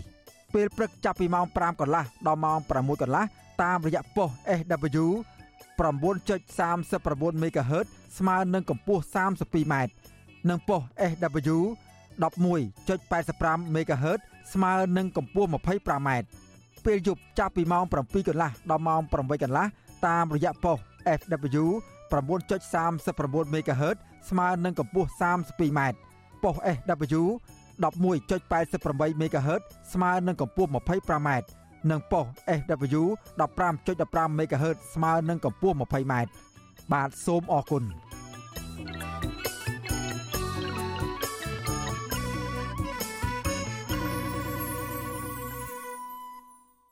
បាទលោកអ្នកនាងកញ្ញាជាទីមេត្រីចំពោះសេចក្តីរាយការណ៍ពាក់ព័ន្ធនឹងចំនួនដីធ្លីនៅខេត្តកោះកុងឯណោះប្រជាពលរដ្ឋមានចំនួនដីធ្លីនៅខេត្តកោះកុង ជំរុញឲ្យអាជ្ញាធរពន្យាការដោះស្រាយពាក់ព័ន្ធករណីមានពលរដ្ឋម្នាក់ស្លាប់ក្នុងអំឡុងពេលតវ៉ាទាមទាររកដំណោះស្រាយដីធ្លី ដែលក្រុមហ៊ុនស្កអំពៅរំលោភយកជាង10ឆ្នាំកន្លងមកហើយការលើកឡើងនេះគឺបន្ទាប់ពីសមាជិកសហគមន៍រងគ្រោះដីធ្លីម្នាក់បានស្លាប់ជាង1ខែទៅហើយដែលអាជ្ញាធរពាក់ព័ន្ធមិនទាន់ដោះស្រាយនៅឡើយទេបាទសូមស្ដាប់សេចក្តីរាយការណ៍របស់លោកជាតិចំណានពីរដ្ឋធានីវ៉ាស៊ីនតោន ពលរដ្ឋមានទំនាស់ដីធ្លីនៅខេត្តកោះកុងទទូចឲ្យអាជ្ញាធររកយុត្តិធម៌ជូនលោកបូកឆេកក្រោយស្លាប់ដោយសារតែរងចាំអស់ជាច្រើនម៉ោងក្នុងការសុំកិច្ចអន្តរាគមន៍ដើម្បីដោះស្រាយបញ្ហាដីធ្លីពីអភិបាលខេត្តកោះកុងពលរដ្ឋរងគ្រោះដីធ្លីនិងជាអ្នករស់នៅតាមភូមិជាមួយលោកបូកឆេកគឺលោកឈឹមសាផានប្រពន្ធអេស៊ីសរ៉ៃនៅថ្ងៃទី19ខែមេសាថាលោកសោកស្ដាយដែលអាញាធរហាក់មិនដឹងមិនលឺពាក់ព័ន្ធនឹងការស្លាប់របស់ប្រជាពលរដ្ឋបែបនេះនោះទេលោកបន្តថាពលរដ្ឋស្លាប់ក្នុងពេលតវ៉ានេះ គឺដោយសារតែអភិបាលខេត្តកោះកុងមិនព្រមចេញមកជួបពលរដ្ឋទីមួយឃើញតែមានការឆ្លើយតបគាត់ណែថាដីការអមជំរាបមកជំទាវអភិបាលខេត្តសូមស្នើការពន្យាការដោះស្រាយប៉ុន្តែមិនទាន់ឃើញឆ្លើយតបទេខ្ញុំបានដាក់ជូនខេត្តហើយនឹងមន្ទីររៀបចំដែនដីខេត្តកោះកុងហើយអស់ហើយក្រុមហ៊ុនស្កអំពើរបស់លោកលីយ៉ុងផាត់បានរំលោភយកដីចំនួន2ហិកតាពីលោកបុកឆេកលោកគឺជាជនពិការជើងម្ខាង ដែលមានកូន3នាក់ប្រុស2នាក់និងស្រី1នាក់ និងមានមុខរបរជាអ្នកនេសាទដើម្បីរកប្រាក់កម្រៃសម្រាប់ផ្គត់ផ្គង់គ្រួសារបរិសុទ្ធជនពិការនេះរស់នៅក្នុងភូមិកណ្ដោលឃុំកណ្ដោលស្រុកបតុមសាគរ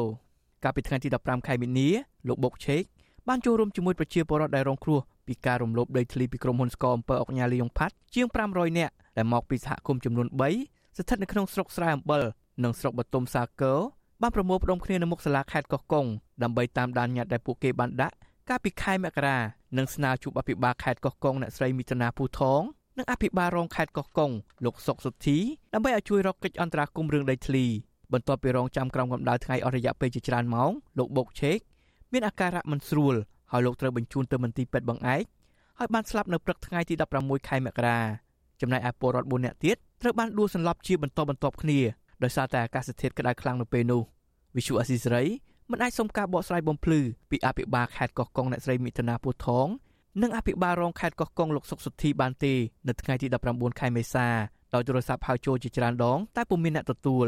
ប៉ុន្តែមេភូមិកណ្ដោលស្រុកបតុមសាគរលោកលឹងកៅឲ្យដឹងថាអាញាធរពពាន់គួរតែដោះស្រាយបញ្ហានេះឲ្យបានឆាប់រហ័សពីព្រោះពលរដ្ឋជាច្រើនជួបទុក្ខលំបាកហើយពលរដ្ឋមួយចំនួនទៀតកំពុងមានជីវភាពខ្វះខាតលោកបន្តថាបញ្ហានេះ ហួសដែនសមត្ថកិច្ចរបស់លោកដោយមិនអាចជួយដោះស្រាយបញ្ហានេះបាននោះទេសូមសំណូមពរដល់ថ្នាក់ដឹកនាំធ្វើយ៉ាងម៉េចរកដំណោះស្រាយណាមួយដើម្បីឲ្យប្រជាពលរដ្ឋដែលគាត់ទទួលយកបានដើម្បីឲ្យបញ្ចប់រឿងនេះយ៉ាងណាមិនមែនថាជំរុញឲ្យធ្វើយ៉ាងណានោះទេគាត់ថាធ្វើរកវិធីណាដើម្បីឲ្យគាត់ទទួលយកបានដើម្បីបញ្ចប់រឿងប៉ុណ្ណឹងឯងចង់ដោះស្រាយដោយវិធីណាក៏បានដែរខ្ញុំក្រោយពីមានពលរដ្ឋម្នាក់ស្លាប់រដ្ឋបាលខេត្តកោះកុង កាលពីថ្ងៃទី17ខែមីនាបានចេញសេចក្តីប្រកាសព័ត៌មានមួយដែលបដិសេធថាលោកបូកឆេកមិនមែនជាពលរដ្ឋដែលចូលរួមតវ៉ាក្នុងចំនួនដីធ្លីនោះទេហើយករណីស្លាប់របស់លោកគឺបណ្ដាលមកពីជំងឺលើសឈាមនិងដាច់សរសៃឈាមក្នុងខួរក្បាលជុំវិញរឿងនេះមន្ត្រីសម្របសម្រួលអាត60ប្រចាំខេត្តកោះកុងលោកង៉ាត់ស៊ីណាមានប្រសាសន៍ថាអាញាធរគួរតែបើកការស៊ើបអង្កេតនិងពន្លឿននីតិវិធីឲ្យបានឆាប់រហ័សដើម្បីរកយុត្តិធម៌ជូនជនរងគ្រោះលោកបន្តថាអាញាធរ គឺជាអ្នកមើលការខុសត្រូវពលរដ្ឋដូច្នេះគួរតែដោះស្រាយទុកលំបាករបស់ប្រជាពលរដ្ឋមិនមែនទុកចោលមិនអើពើនោះទេពាក់ព័ន្ធរឿងនេះខ្ញុំនៅនឹងសូមឲ្យរដ្ឋបាលខេត្តនិងរដ្ឋគាត់សហការជាមួយនឹងប្រជាពលរដ្ឋស៊ើបអង្កេតរឿងរ៉ាវតាំងពីបញ្ហាដីធ្លីនឹងមានដំណោះបែបម៉េចនឹងសូមឲ្យមានការដោះស្រាយពន្លឿនជូនពួកគាត់ឲ្យបានមានតម្លាភាពបាទកន្លងមកប្រជាពលរដ្ឋតែងតែស្វែងរកដំណោះស្រាយពីអាជ្ញាធរខេត្តនេះដែរប៉ុន្តែដែលគ្មានដំណោះស្រាយរហូតដល់ថ្ងៃទី29ខែមីនា ក្រុមពលរដ្ឋមានទំនាស់ដីធ្លីនៅខេត្តកោះកុងជាង500នាក់បានឡើងមករាជធានីភ្នំពេញដើម្បីដាក់ញត្តិនៅខុទ្ទកាល័យលោកនាយរដ្ឋមន្ត្រីហ៊ុនសែនសហភាពអឺរ៉ុបក្រសួងមហាផ្ទៃនិងក្រសួងរៀបចំដែនដីនគររូបនីយកម្មនិងសំណង់គណៈមន្ត្រីក្រសួងរៀបចំដែនដីបានសន្យាឆ្លើយតបនៅខែមេសានេះមន្ត្រីសង្គមស៊ីវិលនិងប្រជាពលរដ្ឋអះអាងថាពលរដ្ឋតវ៉ារហូតដល់មានការបាត់បង់ជីវិតអាជ្ញាធរបែរជាមិនយកចិត្តទុកដាក់ដោះស្រាយពួកគាត់ចាត់ទុកទង្វើរបស់អាជ្ញាធរនេះថាជារឿងអយុត្តិធម៌សម្រាប់ពលរដ្ឋស្លូតត្រង់ និងគ្មានការទទួលខុសត្រូវខ្ញុំបាទជាចំណាន Visual Assisray ប្រធានាទី Washington បាទលោកអ្នកនាងកញ្ញាជាទីមេត្រីពាក់ព័ន្ធនឹងការអភិរក្សថែរក្សាបឹងធម្មជាតិឯនេះវិញបឹងមេសាងដែលពលរដ្ឋរាប់ពាន់គ្រួសារអាស្រ័យផលតាំងពីបុរាណកាលមក កំពុងប្រឈមនឹងការចាក់ដីលុបឲ្យคล้ายទៅជាដីគោកដើម្បីគ្រប់គ្រងជាសម្បត្តិបុគ្គលដោយក្រុមអ្នកមានលុយមានអំណាចពលរដ្ឋរាប់រយគ្រួសាររស់នៅខេត្តព្រៃវែង បានព្រឹត្តមេដៃស្នើសុំអាជ្ញាធរជួយការពារបឹងធម្មជាតិមួយនេះតែគ្មានបានផលឡើយបាទលោកមីរិតមានសេចក្តីរាយការណ៍អំពីរឿងនេះពីរដ្ឋធានីវ៉ាស៊ីនតោនពលរដ្ឋរស់នៅក្នុងភូមិចំនួន20ព័ទ្ធជុំវិញបឹងមេសាង ក្នុងឃុំចំនួន4នៃស្រុកមេសាងខេត្តព្រៃវែងព្រួយបារម្ភអំពីជោគវាសនាបឹងធម្មជាតិមួយនេះដែលបានក្លាយជាដីគោករាក់ជាបណ្ដាបណ្ដាដែលមានផ្នែកខ្លះត្រូវបានគេធ្វើរបងហុំព័ទ្ធរំលោភយកអស់ជាច្រើនហិកតាដោយក្រុមអ្នកមានលុយមានអំណាចនៅរយៈពេល5ឆ្នាំចុងក្រោយនេះអ្នកភូមិចាត់ទុកបឹងធម្មជាតិមួយនេះថាជាអាងស្តុកទឹកដ៏ធំផ្ដល់ប្រយោជន៍ច្រើនយ៉ាងដល់ប្រជាកសិករធ្វើកសិកម្មនិងជាកន្លែងនេសាទត្រីយ៉ាងសំខាន់របស់ពលរដ្ឋ ព្រះសង្ឃគង់នៅវត្តមួយក្នុងស្រុកមេសាង គឺព្រះដេចគុណផនភ័ណ្ឌមានធរណដីកាថាបច្ចុប្បន្នសកម្មភាពចាក់ដីលុបបឹងធម្មជាតិមួយនេះនៅតែបន្ត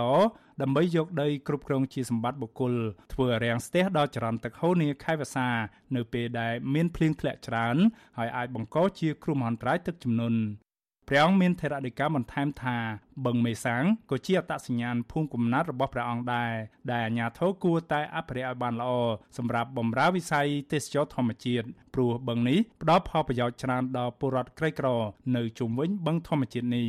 គេលុបយកទៅពលរដ្ឋចុះទៅរកចុះទៅអីវាប៉ះទៅលើដីគេវាប៉ះទៅលើដីកម្មសិទ្ធិរបស់គេជួនទៅគេបាត់គេរាំងទៅធ្វើលបងធ្វើអីបាំងចិត្តទៅគាត់ ទៅអាស្រ័យផលមកចើហើយយូរយូរវាបំសាធារណៈនៅប្រើទូទៅវាទៅជាកម្មសិទ្ធិឯកជនបាត់ទៅផ្លូវទឹកផ្លូវអីដែលវាត្រូវហូរទៅអីវាចាល់អីលិចប៉ះពាល់ផលដំណាំពលរដ្ឋអីទៀតចឹងក៏មានដែរចឹងវាប៉ះពាល់ច្រើនតែថាគាត់លុបហ្នឹងហើយកាលពីចុងខែមីនាកន្លងទៅ អ្នកភូមិមួយក្រុមបានចុះទៅដល់ទីតាំងបឹងប្រទះឃើញគ្រឿងចាក់និងរថយន្តដឹកដីជាច្រើនគ្រឿងសម្រុកចាក់ដីលុបបឹងនេះមួយផ្នែកចំកណ្ដាលបឹងធ្វើរាំងស្ទះដល់ចរន្តទឹកហូរធម្មជាតិ អ្នកភូមិបានថតវីដេអូបង្ហោះតាមបណ្ដាញសង្គម Facebook ស្នើឲ្យអាជ្ញាធរសង្គ្រោះបឹងនេះស្របពេលដែលក្រុមអ្នកមានលុយមានអំណាចដែលពួកគាត់មិនស្គាល់ឈ្មោះបន្តរំលោភបំពានបឹងនេះដោយសារតែទីផ្សារដីឡើងថ្លៃលុប ផ្លូវទឹកលុបចោលតែម្ដងបាទអញ្ចឹងនេះសោតគឺជាសកម្មភាពជាក់ស្ដែងហើយនេះគឺជាបន្ទាយបឹងមេសាំងបាទជានេះគឺជាព្រែកបាទនេះគឺជាបាតព្រែកហើយនេះគឺជាបាតបឹងប៉ុន្តែបាតបឹងហ្នឹងគឺគេចាក់លុបចោលហើយគេចាក់យកបាទពីសំណាក់អ្នកមានលុយបាទអ្នកមានអំណាចអ្នកមានលុយនៅក្នុងស្រុកមេសាំងគឺខ្ញុំចូលរួមសោកស្ដាយផងបឹងធម្មជាតិមេសាង មានផ្ទៃដីរាប់ពាន់ហិកតាស្ថិតនៅក្នុងឃុំចំនួន4គឺឃុំព្រៃរំដេងឃុំច្រេះ ឃុំជីផុចនិងឃុំស្វាយជ្រុំនៃស្រុកមេសាងកន្លងទៅអ្នកភូមិយ៉ាងហោចណាស់ជាង300គ្រួសារបានផ្តិតមេដាយស្នើទៅក្រសួងមហាផ្ទៃឲ្យជួយអន្តរាគមន៍ការពារបឹងធម្មជាតិមួយនេះក្រោយពីអ្នកមានអំណាចបានរំលោភយកជាបន្តបន្ទាប់ក៏ប៉ុន្តែមកទល់ពេលនេះគ្មានបានផលអ្វីឡើយវិសុវស៊ីស្រីមិនទាន់អាចសុំការបំភ្លឺរឿងនេះពីអ្នកនាំពាក្យស្លាខេត្តព្រៃវែងនិងជាអភិបាលរងខេត្តលោកឡៃវណ្ណារាបាននៅឡើយទេនៅថ្ងៃទី18ខែមេសា ចំណែកអ្នកនាំពាក្យក្រសួងធនធានទឹកនិងអូតូនិយមលោកច័ន្ទយុធាក៏វិសុវស៊ីស្រីមិនអាចតាក់ទងបានដែរនៅថ្ងៃដដែលនេះកន្លងទៅរដ្ឋមន្ត្រីក្រសួងធនធានទឹកនិងអូតូនិយមលោកលឹមគៀនហៅស្នើដល់អាជ្ញាធររាជធានីខេត្តទាំងអស់ឲ្យជួយទប់ស្កាត់ការរំលោភចាក់ដីលុបចំណីច្រាំងទន្លេ ស្ទឹងព្រែកនិងបឹងបួរដើម្បីជៀសវាងផលលំបាកដល់ការរំដោះទឹក និងបញ្ជៀសគ្រោះមហន្តរាយទឹកជំនន់ ការស្នើនេះក្រោយពីក្រសួងសង្កេតឃើញថាមានករណីសាងសង់ការរំលោភចាក់ដីលុបចំណីមាត់ច្រាំងទន្លេស្ទឹងព្រែកនិងបឹងបួរដែលជាទ្រព្យសម្បត្តិរបស់រដ្ឋលោកលឹមគិនហៅព្រួយបារម្ភពីលទ្ធភាពរំដោះទឹកដែលអាចបង្កជាគ្រោះមហន្តរាយទឹកជំនន់ដោយសារតែចំណីមាត់ច្រាំងទន្លេនិងបឹងបួរជាដើមត្រូវបានគេចាក់ដីលុបជុំវិញរឿងនេះមន្ត្រីពង្រឹងសិទ្ធិអំណាចសហគមន៍មូលដ្ឋាននៃសមាគមអាត6លោកប៉ែនបូណា ពន្យល់ថាការចាក់ដីលុបបឹងដែលជាទ្រព្យសម្បត្តិសាធារណៈរបស់រដ្ឋគឺជាទង្វើល្មើសច្បាប់ដែលទាមទារឲ្យអាជ្ញាធរត្រូវទប់ស្កាត់ជាបន្ទាន់និងស្វែងរកជនបង្កមកផ្ដន្ទាទោសតាមផ្លូវច្បាប់ ប្រយោជន៍ប្រជាពលរដ្ឋដែលលោករោត្រីរូបធ្វើស្រែប្រាំងត្រៃជាដើមហ្នឹងអញ្ចឹងបើមានក្រមជនទុច្ចរិតណាមួយចូលទៅរំលោភបំពានទៅលក់ដូរទ្រព្យសម្បត្តិបរិវត្តហ្នឹងត្រូវតែ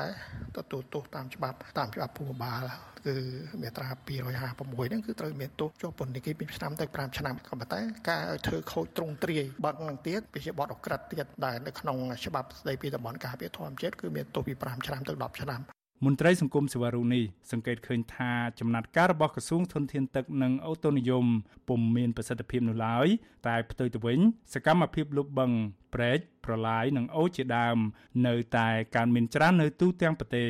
ខ្ញុំបានមេរិត Visual C ស្រីពីរដ្ឋធានី Washington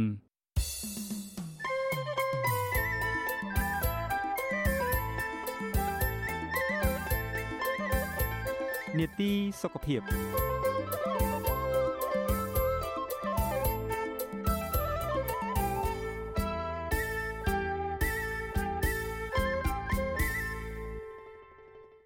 បាទលោកអ្នកនាងកញ្ញាជាទីមេត្រីពាក់ព័ន្ធនឹងការថែទាំសុខភាពប្រជាពលរដ្ឋវិញ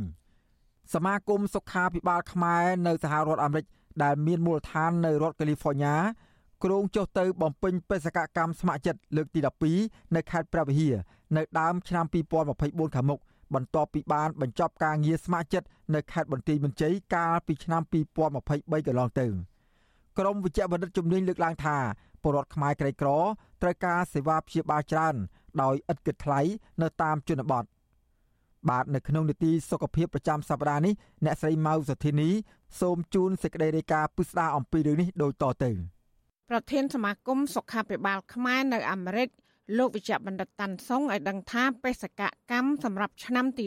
11រយៈពេលមួយសប្តាហ៍ចាប់តាំងពីចុងខែមករាដល់ដើមខែកុម្ភៈកន្លងមកនេះក្រុមវិជ្ជបណ្ឌិតពីសហរដ្ឋអាមេរិកចំនួនជាង100នាក់រួមមានវិជ្ជបណ្ឌិតជំនាញទូទៅវះកាត់និងតន់ពេទ្យ រួមសហការជាមួយក្រុមគ្រូពេទ្យស្ម័គ្រចិត្តនៅប្រទេសកម្ពុជាជាង80នាក់បន្ថែមទៀតបានចុះទៅព្យាបាលជំងឺនិងផ្ដល់ថ្នាំសង្កូវដ៏ឥតគិតថ្លៃដល់បរិវត្តខ្មែរនៅខេត្តបន្ទាយមានជ័យលោកបន្តថាបរិវត្តក្រីក្រជាច្រើនពាន់នាក់បានមកទទួលសេវាព្យាបាលដោយឥតគិតថ្លៃបេសកកម្មរបស់សមាគមសុខាភិបាលខ្មែរនៅអាមេរិកហៅអសរកាត់ជាអាមេរិកាំងឆាប់ប៉ាបានទៅតែសម្រេចជោគជ័យ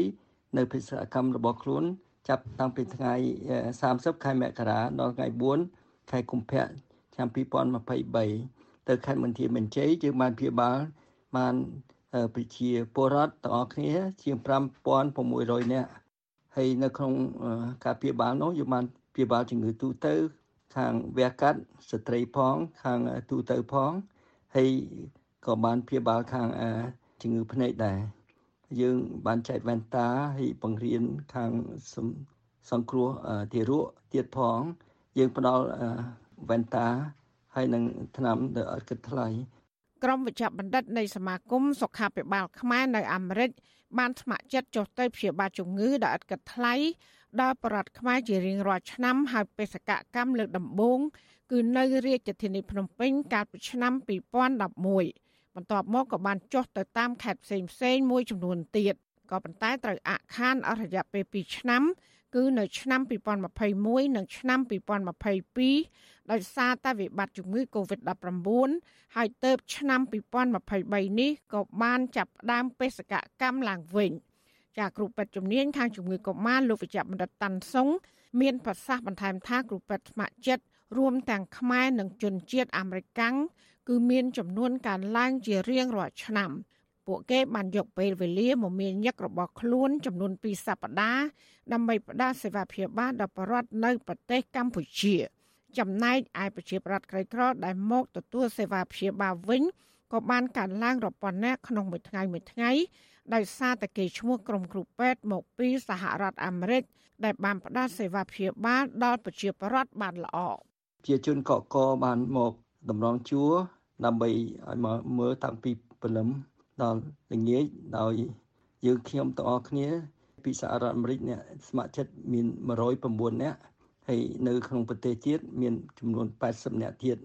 ដូច្នេះរួមទាំងអស់190នាក់នៅក្នុងនោះមានការសហការពីអាជ្ញាធរនៅតាមទីខេត្តហើយនិងមន្ទីរសុខាភិបាលខេត្តមន្ទីរមានជ័យ បានសហការជាមួយយើងដោយជិតស្និទ្ធដូច្នេះខ្ញុំសូមអរគុណជាមួយអាជ្ញាធរអភិបាលខេត្តមន្ទីរមានជ័យហើយនិងប្រធានមន្ទីរនៅរាជមានជ័យដែលបានជួយត្រួតត្រងហើយនឹងជួយគ្រប់គ្រងនៅបេសកកម្មរបស់យើងនេះ ពាក់ព័ន្ធនឹងបេសកកម្មទៅប្រទេសកម្ពុជានេះគ្រូពេទ្យជំនាញផ្នែកសុខភាពទូទៅប្រចាំគ្រួសារជនជាតិអាមេរិកាំងលោកវិជ្ជបណ្ឌិតនីសូលីវ៉ាន់ដែលបានថ្នាក់ចិត្តទៅប្រទេសកម្ពុជាអស់រយៈពេល11ឆ្នាំមកហើយមានប្រសាសន៍ប្រាប់វិទ្យុស៊ីស្រីថាលោកសប្បាយចិត្តជាខ្លាំងដែលមានឱកាសផ្ដល់សេវាព្យាបាលជំងឺដល់បរិវត្តខ្មែរក្រីក្រដោយឥតគិតថ្លៃ លោកបន្តថាបរិវត្តខ្មែររស់នៅតាមតំបន់ជនបទមិនសូវមានថ្នាំសង្កូវនិងគ្មានលទ្ធភាព ដើម្បីពិនិត្យសុខភាពឲ្យបានទៀងទាត់នោះឡើយ I go there because I love the country ខ្ញុំទៅប្រទេសកម្ពុជាព្រោះខ្ញុំស្រឡាញ់ប្រទេសនេះខ្ញុំទៅប្រទេសកម្ពុជាព្រោះខ្ញុំស្រឡាញ់ពេញចិត្តជួយព្យាបាលជំងឺដល់ពលរដ្ឋខ្មែរហើយពួកគេកោតសរសើរនិងដឹងគុណពួកយើងណាស់បន្ថែមពីលើនេះខ្ញុំសប្បាយចិត្តដែលមានឱកាសបង្ហាត់បង្ហាញ និងធ្វើការជាមួយនឹងក្រុមនិស្សិតពេទ្យដែលចូលរួមធ្វើការស្ម័គ្រចិត្តជាមួយនឹងយើងរៀងរាល់ឆ្នាំពេលដែលពួកយើងចុះទៅម្ដងម្ដងខ្ញុំឃើញប្រជាពលរដ្ឋរស់នៅតំបន់ជនបទដាច់ស្រយាលទីទាល់ក្រខ្លាំងពួកគេបង្ហាញពីការរាក់ទាក់កោតសរសើរលើសេវាព្យាបាលរបស់យើង និងដឹងគុណពួកយើងយ៉ាងខ្លាំងទង្វើរបស់ប្រជាពលរដ្ឋទាំងនេះហើយដែលធ្វើឲ្យពួកយើងសប្បាយចិត្តជាទីបំផុតអ្វីដែលសំខាន់នោះ គឺពួកយើងបានចុះទៅតាមខេត្តផ្សេងផ្សេងជារៀងរាល់ឆ្នាំចាលោកវិជ្ជបណ្ឌិតតាន់សុងឲ្យដឹងបន្ថែមថាក្រមគ្រូពេទ្យស្ម័គ្រចិត្តទាំងនោះ បានចំណាយប្រាក់ផ្ទាល់ខ្លួនរួមមាន ការចំណាយលើថ្លៃសម្បត្តិយន្តហោះសន្តាគារនិងការហូបចុកនៅប្រទេសកម្ពុជាជាដើមលោកបន្តថាមុនចុះទៅបំពេញបេសកកម្មនៅប្រទេសកម្ពុជាម្ដងម្ដងសមាគមរបស់លោកបានរៀបចំពិធីជប់លៀងរៃអង្គាសប្រាក់ បានរាប់ម៉ឺនដុល្លារសម្រាប់ទិញឧបករណ៍ពេទ្យនិងថ្នាំពេទ្យគ្រប់មុខរាប់តោនទៅចែកចាយដល់ប្រជាពលរដ្ឋខ្មែរដោយឥតគិតថ្លៃយើងទាំងអស់គ្នាបានឃើញថាសេចក្តីត្រូវការរបស់ប្រជាជនយើង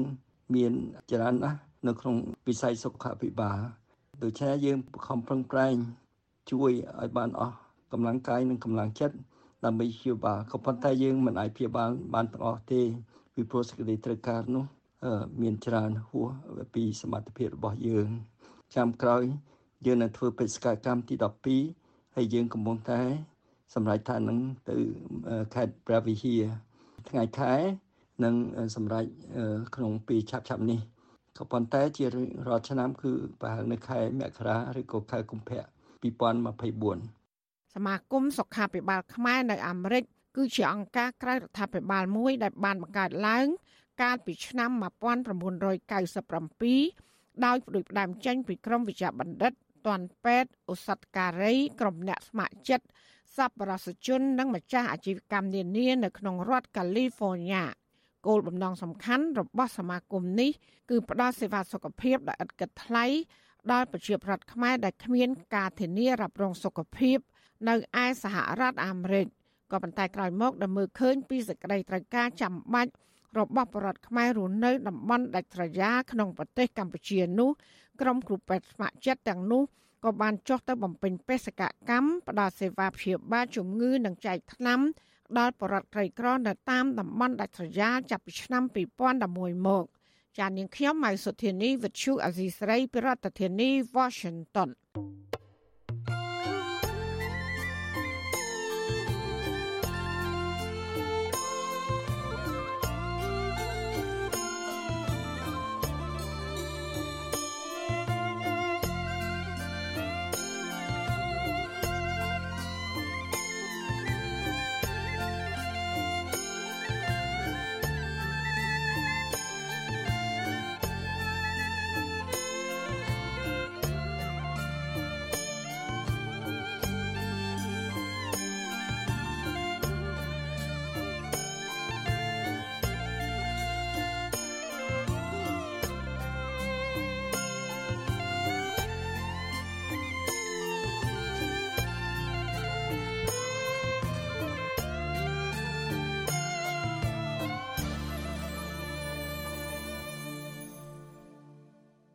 បាទលោកនាងកញ្ញាជាទីមេត្រី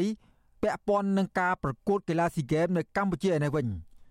កម្ពុជាសម្រេចចិត្តមិនគិតប្រាក់កម្រៃឬថ្លៃសេវាសម្រាប់ការស្នាក់នៅ និងហូបចុករបស់ប្រតិភូកីឡាអាស៊ីអាគ្នេយ៍ក្នុងម្នាក់ម្នាក់50ដុល្លារនោះទេនេះបើតាមការបញ្ជាក់របស់អគ្គលេខាធិការគណៈកម្មាធិការជាតិអូឡ িম্প ិកកម្ពុជា លោកវត្តចម្រើន កាលពីថ្ងៃទី18មេសា ក្រោយកិច្ចប្រជុំពិសេសមួយ ដឹកនាំដោយលោកទាបាញ់រដ្ឋមន្ត្រីការពារជាតិនិងជាប្រធានគណៈកម្មាធិការជាតិរៀបចំព្រឹត្តិការណ៍កីឡាស៊ីហ្គេម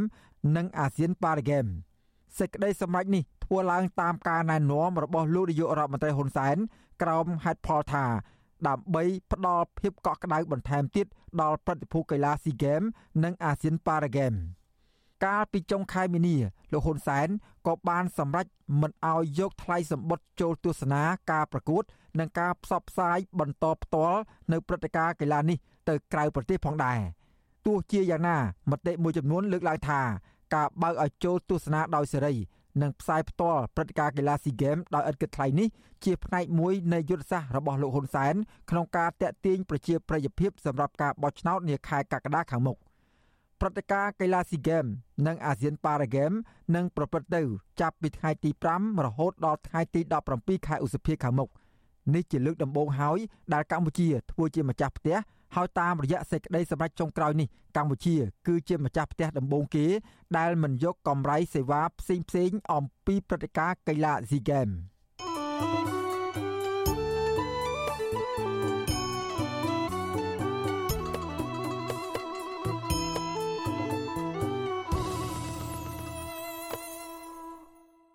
បាទលោកអ្នកនាងកញ្ញាជាទីមេត្រីការផ្សាយរយៈពេល1ម៉ោងរបស់វិទ្យុអសីស្រីសម្រាប់ព្រឹកនេះចប់តែប៉ុណ្ណេះ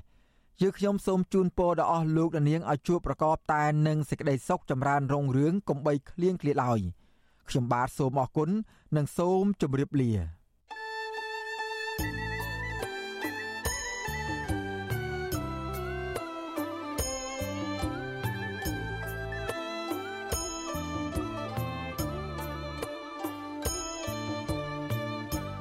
វិទ្យុអាស៊ីសេរីផ្សាយតាមរលកធារកាសខ្លី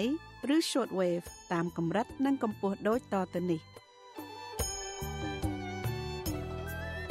ពេលព្រឹកចាប់ពីម៉ោង5កន្លះដល់ម៉ោង6កន្លះតាមរយៈប៉ុស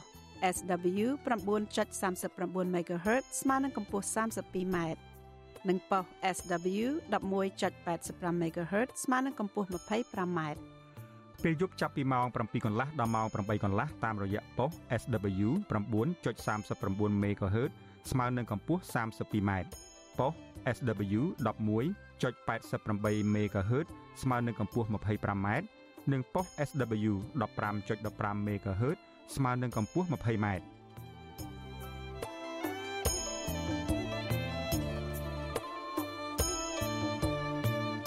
លោកអ្នកនាងក៏អាចស្ដាប់ការផ្សាយផ្ទាល់តាមប្រព័ន្ធអ៊ីនធឺណិតដោយចូលទៅកាន់គេហទំព័រ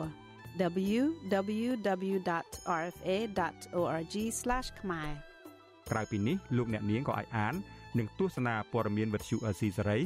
លើទូរស័ព្ទដៃរបស់លោកអ្នកផ្ទាល់សូមលោកអ្នកនាង ចូលទៅកាន់កម្មវិធី Facebook រួចស្វែងរកពាក្យ RFA ខ្មែរ